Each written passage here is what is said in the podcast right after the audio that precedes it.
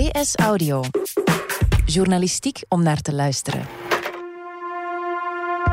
De straten van Italië waren nog nooit zo stil en leeg. Maar afgelopen weekend stak van op de balkons overal dit geluid op. Applaus voor de mensen in de zorgsector, die alles op alles zetten in de strijd tegen het coronavirus. Want waar andere landen in Europa het leven en werken vanuit onze huizen nu beginnen ontdekken, gaan de Italianen ons al een tiental dagen voor. Journaliste Ine Rooks sprak met dokter en diensthoofd infectieziekte Matteo Bassetti uit Genua en praat ons bij over de situatie in Italië. Het is donderdag 19 maart. Mijn naam is Nele Eekhout en niet van op de redactie, maar van op afstand is dit DS Audio.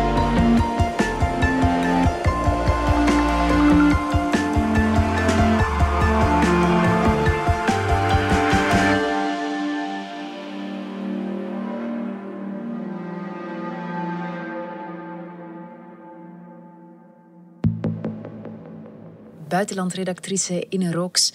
Jij volgt de situatie in Italië. Hoe stellen zij het daar intussen? Wel, het hele land is, eh, zoals je weet, afgesloten. We hebben al gezien dat sinds eind februari er eerst een rode zone is ingesteld rond de Broeihaard in Lombardije. Toen zijn meteen op 23 februari al elf gemeenten in quarantaine geplaatst. Ging toen al om meteen meer dan 50.000 inwoners. Dan daarna zijn uh, eerst de scholen in bepaalde regio's gesloten, dan op nationaal vlak. Alle scholen en universiteiten zijn dichtgegaan. En nu is er een uh, complete lockdown. Dus het leven zoals wij het nu ontdekken, zoveel mogelijk van thuis, zoveel mogelijk weg van elkaar. Daar zitten zij al eventjes mee. Ja, Hoe reageren de Italianen daarop? Hoe hebben zij het er de afgelopen weken van afgebracht? Wel, ik heb zelf veel uh, met, met vrienden gebeld. Ik heb uh, in Italië gewoond, gewerkt en gestudeerd. Dus sowieso als journalist, maar ook privé. Um, ik bekruip me natuurlijk het gevoel dat ik nu heel veel met ze wil bellen. Hè. En uh, het is op een week tijd, naar mijn gevoel, enorm veranderd. Een week, anderhalve week geleden, toen ik mijn vrienden sprak, voelde zij zich een beetje in de situatie waarin wij nu zitten. Um, dan werd er gesproken over, ja, we zitten nu thuis, we zitten thuis te werken met onze familie, met onze partner. Het is geen vakantie, maar we maken er het beste van. Er werden pizza's gebakken, er werd brood gebakken. Nogmaals, geen vakantie, want uh, het gaat dan om Zuid-Italiaanse vrienden die in Milaan wonen. Die zeiden, ja, we kunnen nu niet naar het zuiden, bijvoorbeeld naar onze ouders, want dat zou risicovol zijn. Maar we maken er het beste van. Uh, de kinderen waren aan het tekenen, geslagen. Um, overal zijn ze de balkons aan het volhangen met, uh, met witte lakens waarop ze regenbogen tekenen en daaronder schrijven Andra tutto. Uiteindelijk komt alles wel goed. Dus uh, zo proberen ze er enerzijds uh, mentaal uh, toch de spirit in te houden en te proberen hier door te komen. Maar uit bijvoorbeeld Bergamo, een zeer zwaar getroffen stad, komen dan weer heel andere berichten. Daar vertelde een vriendin mij gisteren via WhatsApp dat uh, kinderen daar helemaal geen zin hebben in grapjes of in tekeningen om uh, de moed erin te houden. Dat daar gewoon de dodentol veel te hoog ligt en dat mensen daar gewoon van dag tot dag leven en uh, ook heel erg lijden onder het feit dat ze niet naar bejaarde ouders en grootouders kunnen en dat mensen die sterven in deze omstandigheden vaak alleen sterven en ook nog ja, niet met de normale eerbetonen kunnen begraven worden, want ook begrafenissen zijn afgeschaft. Dus uh, ja, uh, veel, veel gevoel, veel toch wel soms uh, echt erg trieste en, en soms dramatische verhalen bereiken ons. Je hebt zelf met een arts gesproken. Mm -hmm. Wie heb je juist aan de lijn gehad? Ja, hij heet Matteo Bassetti en hij is diensthoofd bij de afdeling infectieziekten in Genua in Ligurië, in het noorden van Italië. Pronto, buongiorno, buonasera, professor Bassetti. Sono Ine, dal Belgio. Buonasera. Hij komt op dit moment uh, op de Italiaanse radio en in tv uh, geregeld aan het woord, omdat hij uh, ja, een, een afdeling leidt waar er toch wel wat met corona geïnfecteerde patiënten al zijn gepasseerd. En hij komt vaak aan het woord als uh, een van de specialisten. En wat vertelde hij jou? Hoe is hij eraan toe? Hij zegt dat het uh, natuurlijk zware dagen zijn. Uh, come, come state? Come, come sta lei personalmente? Come stanno le cose all'ospedale? Io sto un po' stanco. Dat hij moe is, zijn team ook. Nel, nel mio team abbiamo in questo momento 30 medici e abbiamo uh, circa 40, 45 infermieri più... Hij heeft uh, toch een dertigtal artsen ter beschikking, 45 verplegers. En dat ze heel lange shifts zijn aan het draaien, maar dat ze het, het fortje proberen recht te houden. C'è tanto lavoro, tanta pressione, e, però insomma siamo mm. qua e resistiamo ancora. Er is veel werk, zegt hij. We voelen ook stress en druk, maar, uh, maar we werken voort. Hij klonk wel moe, ja. Want hij heeft ongetwijfeld zelf ook patiënten met corona. Zijn dat er dan veel? Hij had er sinds het begin van de crisis op zijn afdeling alleen een tachtigtal gehad. Da noi in questo momento, tra, dall'inizio abbiamo avuto circa 80 malati che sono passati dall'ospedale San Martino. Mm -hmm. Wat Bassetti zei over Genua is dat ze daar nog wel genoeg bedden hebben in zijn ziekenhuis, ook genoeg plaatsen nog in de intensive care unit. Maar dat uh, hij er nog eens aan wil herinneren dat wie ziek wordt en opgenomen moet worden ook wel echt bijzonder ziek is en intensieve therapie nodig heeft. Dr. Bassetti werkt in Genua, dat ligt in de regio Ligurië. Mhm. Maar het zwaarst getroffen is een andere noordelijke regio, hè? Lombardije. Dat is iets verderop. Um, want daar waren ook de eerste besmettingen. Hè? Ja, zeker. Klopt dat de eerste besmettingen in het binnenland, in de streek uh, Lombardije, in het noorden van Italië, waar ook Milaan in ligt, zijn gemeld. Het ging om de plaatsjes Codogno en Castiglione d'Adda, twee uh, kleine gemeenten op een 10, 15-tal kilometer van elkaar in de provincie Lodi. Daar komt zogenaamd patiënt nummer 1 vandaan, de, de 38-jarige Mattia, die uh, bijzonder ziek is geworden. Um, daar is het heel moeilijk om, om mensen te spreken, omdat artsen en verpleegkundigen gewoon de klok rond zijn aan het werken. We hebben contact gehad met Codogno, een van de gemeenten die heel snel in quarantaine is gegaan, in lockdown is gegaan al op 23 februari, dus ruim drie weken geleden. Um, zij hebben toen heel snel dus die maatregelen genomen en dat betrof toch voor die tien gemeenten samen en één gemeente in Veneto, in het uh, noordoosten van Italië. Dus aan de rechterkant van het noorden eigenlijk. Samen ging dat al om meer dan 50.000 inwoners die toen werden afgesloten. We vonden dat toen, stel je voor, drie weken geleden, al fenomenaal nieuws. En kijk waar we nu zijn. Dus het is heel snel gegaan. En we hebben toen die hele eerste week contact gehouden op de krant met de burgemeester van Codogno, die ons dag aan dag vertelde met welke logistieke, praktische en ook emotionele uitdagingen uh, te maken kreeg. Tegelijk toch een positieve noot.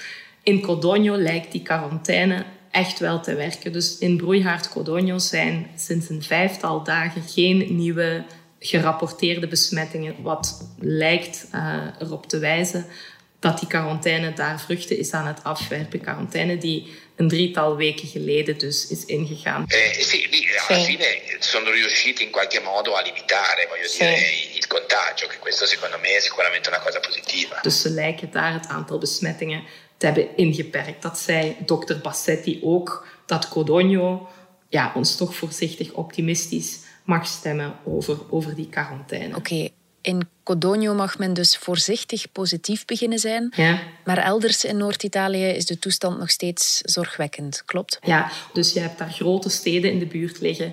Je hebt Milaan, waar het uh, openbare leven ook al ettelijke dagen compleet plat ligt. En uh, Bergamo, waar ja, de dodental uh, voor die stad, waar er normaal gezien een, een viertal doden per dag eh, volgen. Nu zitten we ja, aan een veelvoud daarvan. La situazione in questo momento a, a Bergamo è probabilmente il centro dell'epidemia. Um, in de lokale krant is er normaal gezien één pagina overlijdensberichten. En nu vertellen vrienden en kennissen dat we al aan een tiental pagina's per dag zitten. Op het moment dat we deze podcast opnemen, is er nog geen officiële totale lockdown in België. De maatregelen zijn wel verscherpt, maar in Italië is daar wel sprake van. Hoe ziet dat er dan concreet uit daar?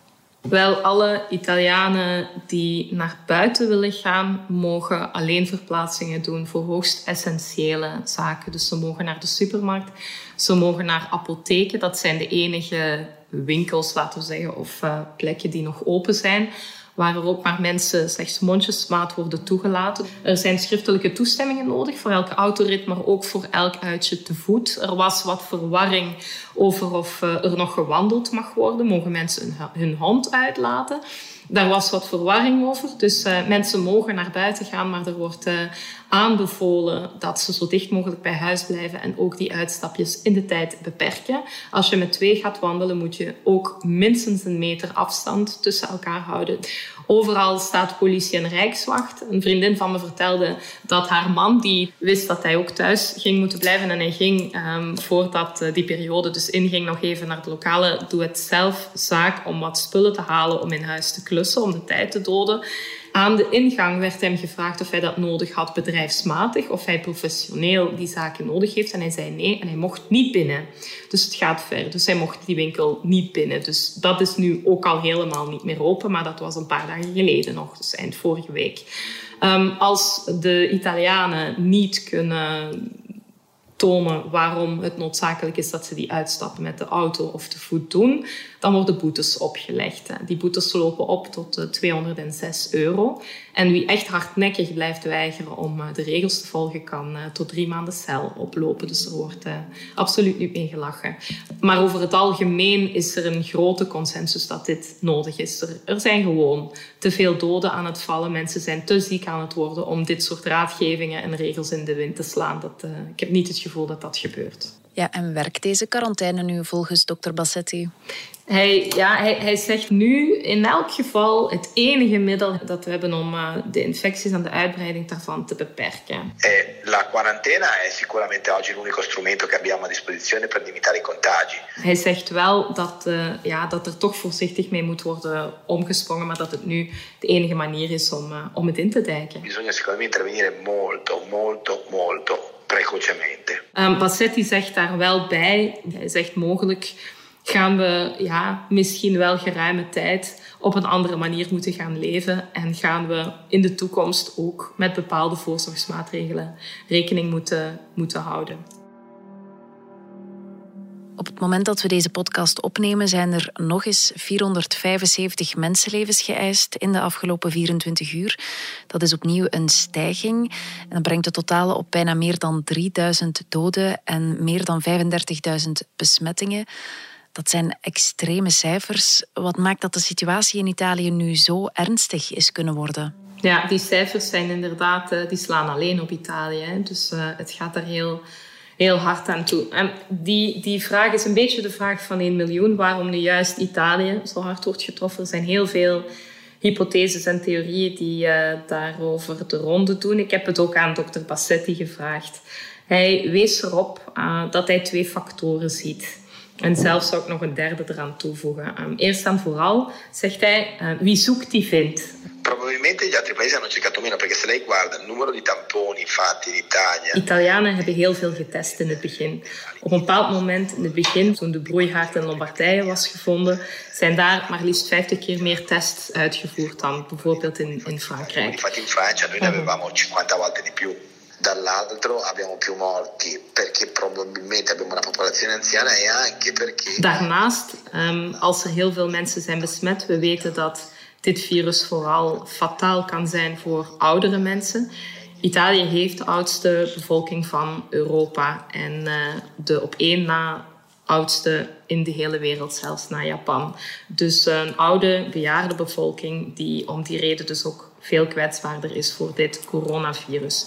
Daarnaast denkt Bassetti dat eh, de Italianen veel hebben getest in februari en begin maart al, maar dat dat, uh, dat dat virus toen al geruime poos in Italië was aan het woekeren. Perché secondo me probabilmente colpita più perché noi questo virus è entrato in Italia molto tempo prima rispetto al blocco dei voli. Hij zegt uh, het is best mogelijk dat het er al in januari was en dat de besmettingen die we op dit moment hebben gerapporteerd, zegt hij misschien wel met vijf of met tien keer moeten vermenigvuldigd worden. Il numero dei contagi in Italia è probabilmente molto molto più alto di quello che viene riportato dai casi.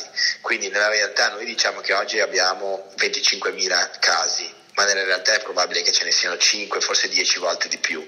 Laatste wat ik daaraan zelf zou toevoegen is, is dat Italië natuurlijk met tientallen UNESCO-sites uh, een uh, toeristische trekpleister is en uh, alleen al uh, vanuit China 2 miljoen bezoekers per jaar trekt. Dus het is een land dat uh, heel druk bezocht wordt en heel veel internationale uitwisseling heeft. Niet in het minste via toerisme. Hoe klaar was Italië, economisch om maar iets te noemen, om deze klap op te vangen? Ja, ik denk niet dat er een eh, land is dat hier economisch op voorbereid is. Dat het publieke leven, dat het zakenleven wekenlang stilvalt. Dat is voor elk land, economisch sterk of niet, een keiharde dobber. Een virus dat nieuw is, dat onbekend is, een onzichtbare nieuwe vijand. Dat, uh, waarvan dokters zelf zeggen dat ze het allemaal misschien een beetje hebben onderschat. Dat zegt Bassetti ook. Hij dacht ook dat uh, toen hij de situatie in Wuhan in China zag, dat het uh, mogelijk wel uh, buitenshuis zou kunnen blijven, dat Italië er klaar voor was. Het gezondheidssysteem in Noord-Italië is, is uitstekend, is te vergelijken met uh, dat hier bij ons. In Zuid-Italië is de situatie wel even anders. Daar heb je een, een, een gebrek aan adequate gezondheidszorg op heel wat plaatsen. En toch is het Noord-Italië dat vooral zo kreunt. Hè. Dus dat zegt heel veel.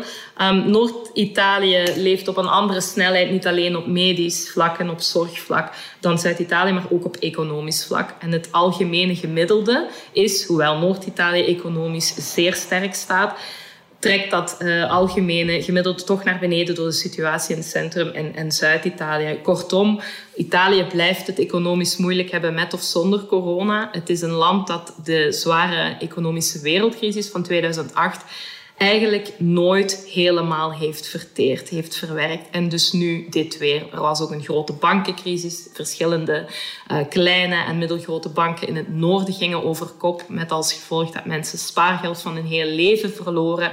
Nu dit weer.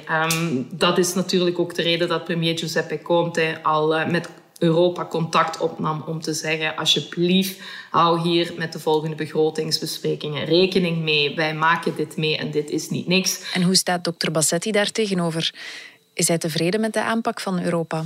Hij vindt vooral dat Europa een gebrek aan coördinatie heeft getoond, een gebrek aan samenhang. Diciamo che l'Europa in questo, in questo, con questa epidemia obiettivamente ha dimostrato di essere un po' slegata. Het was wel alarmerend toen hij zei, kijk, het ene land deed dit, het ene land uh, sloot de scholen, een ander land weer niet. Het ene land in Europa wilde de grenzen sluiten, het andere weer niet, enzovoort. Zij zei, ja, daar had coördinatie moeten zijn. Perché con una situazione del genere si sarebbe dovuti prendere tutti insieme una decisione condivisa. Als we op één vlak coördinatie moeten uitoefenen, is het toch uh, wat betreft ons gezondheidsbeleid. Hij zegt als het virus ons één les kan leren, dan is het toch dat we op medisch vlak wat meer samenhorigheid moeten tonen. Alarmerend was wel die conclusie. Hij zei, hadden we van in het begin dit ernstiger genomen, ook op Europees niveau, en samen maatregelen genomen om dit in te dijken, dan bevonden we ons vandaag allicht niet in deze situatie. Ja, en op dat vlak lopen we nog allemaal in verschillende snelheden. Want mm -hmm. als Italianen die berichten te horen krijgen van lockdownfeestjes in België vorige vrijdag, of dat mensen het elders nog niet zo serieus nemen, dat moet wel heel cynisch overkomen voor hen. Ja, dat, uh, dat, dat begrijpen sommigen niet. Ik heb dat aan uh, vriendinnen verteld die dan al ja, de kinderen al wekenlang thuis hebben. En hoogstens het, het hoogst noodzakelijk gaan halen in de winkel. Ook bijvoorbeeld niet voortdurend naar de supermarkt lopen, maar lange lijsten maken. Lange boodschappenlijsten, zodat je een bezoek kunt beperken. Ook, ook toch weer een, een, een, voorbeeld van, van gezond verstand. Ook vragen aan vrienden en familie, kan ik ook voor jou naar de supermarkt? Zodat ze ook het aantal bezoeken per familie of uh, per uitgebreide familie beperken. Uh, en dan hoogstens om elkaar een hart onder de riem te steken, s'avonds op het balkon gaan staan en samen, zoals we hebben gezien hè, in filmpjes die viraal zijn gegaan, liedjes samen beginnen zingen, de kinderen hun tekeningen van regenbogen laten ophangen enzovoort. Als zo'n zo groot volk, 60 miljoen mensen, zich daaraan kan houden en dan hoort dat hier uh, ja, tot vijf minuten voor de gedwongen sluiting de cafés overliepen van het volk, dan, dan krijg je de reactie, ja, dat, dat, dat begrijpen we niet. En dat is toch enigszins een reactie van mensen die perplex staan als ze dat horen. Als mensen bijvoorbeeld aan dokter Bassetti vragen... ja, dokter, hoe lang moeten wij hier nog binnenzitten? Mm -hmm. Welk antwoord kan hij dan geven? Dat hij het niet zo goed weet. Dat er, um, dat er eerst die piek moet overleefd worden en uh, dat we dan gaan zien of uh, het aantal besmettingen ingedijkt wordt en langzaam gaat dalen. Maar zoals ik eerder al zei, hij houdt er ook rekening mee dat uh, artsen ons uh, in de nabije toekomst gaan waarschuwen dat we misschien altijd voortaan een aantal voorzorgsmaatregelen zullen moeten nemen als we met andere mensen in contact komen. Ine Rooks, dankjewel. Graag gedaan. La ringrazio e buon coraggio con il suo lavoro. Grazie, grazie. Grazie, arrivederci, professore. Grazie. Dit was DS Audio. Heb je vragen over corona? Weet dan dat je terecht kunt op de website www.info-coronavirus.be van de federale overheid. Je kunt ook bellen naar het infonummer 0800 14689. Wil je reageren op deze podcast? Of wil je een verhaal vertellen over de impact van corona op jouw leven? Dat kan via dsaudio.standaard.be. In deze aflevering hoorde je Ine Rooks en mezelf, Nele Eekhout. De redactie gebeurde door mezelf, Joris van Damme, en de eindredactie door Annelies van der Roost. Joris van Damme deed ook de audioproductie. Brecht Plasgaard schreef de muziek die je hoorde in deze podcast. Chef audio is Wouter van Driessen. De extra geluidsfragmenten die je hoorde kwamen van Ine Rook zelf en Reuters. Vond je deze podcast interessant? Weet dan dat je er elke werkdag één kunt beluisteren. Dat kan via de DS Nieuws app of via standaard.be-audio. Je kunt je ook abonneren via iTunes, Spotify of de podcast app van je keuze. En als je daar dan toch bent, schrijf gerust een review. Zo toon je ook anderen de weg. Morgen zijn we er opnieuw.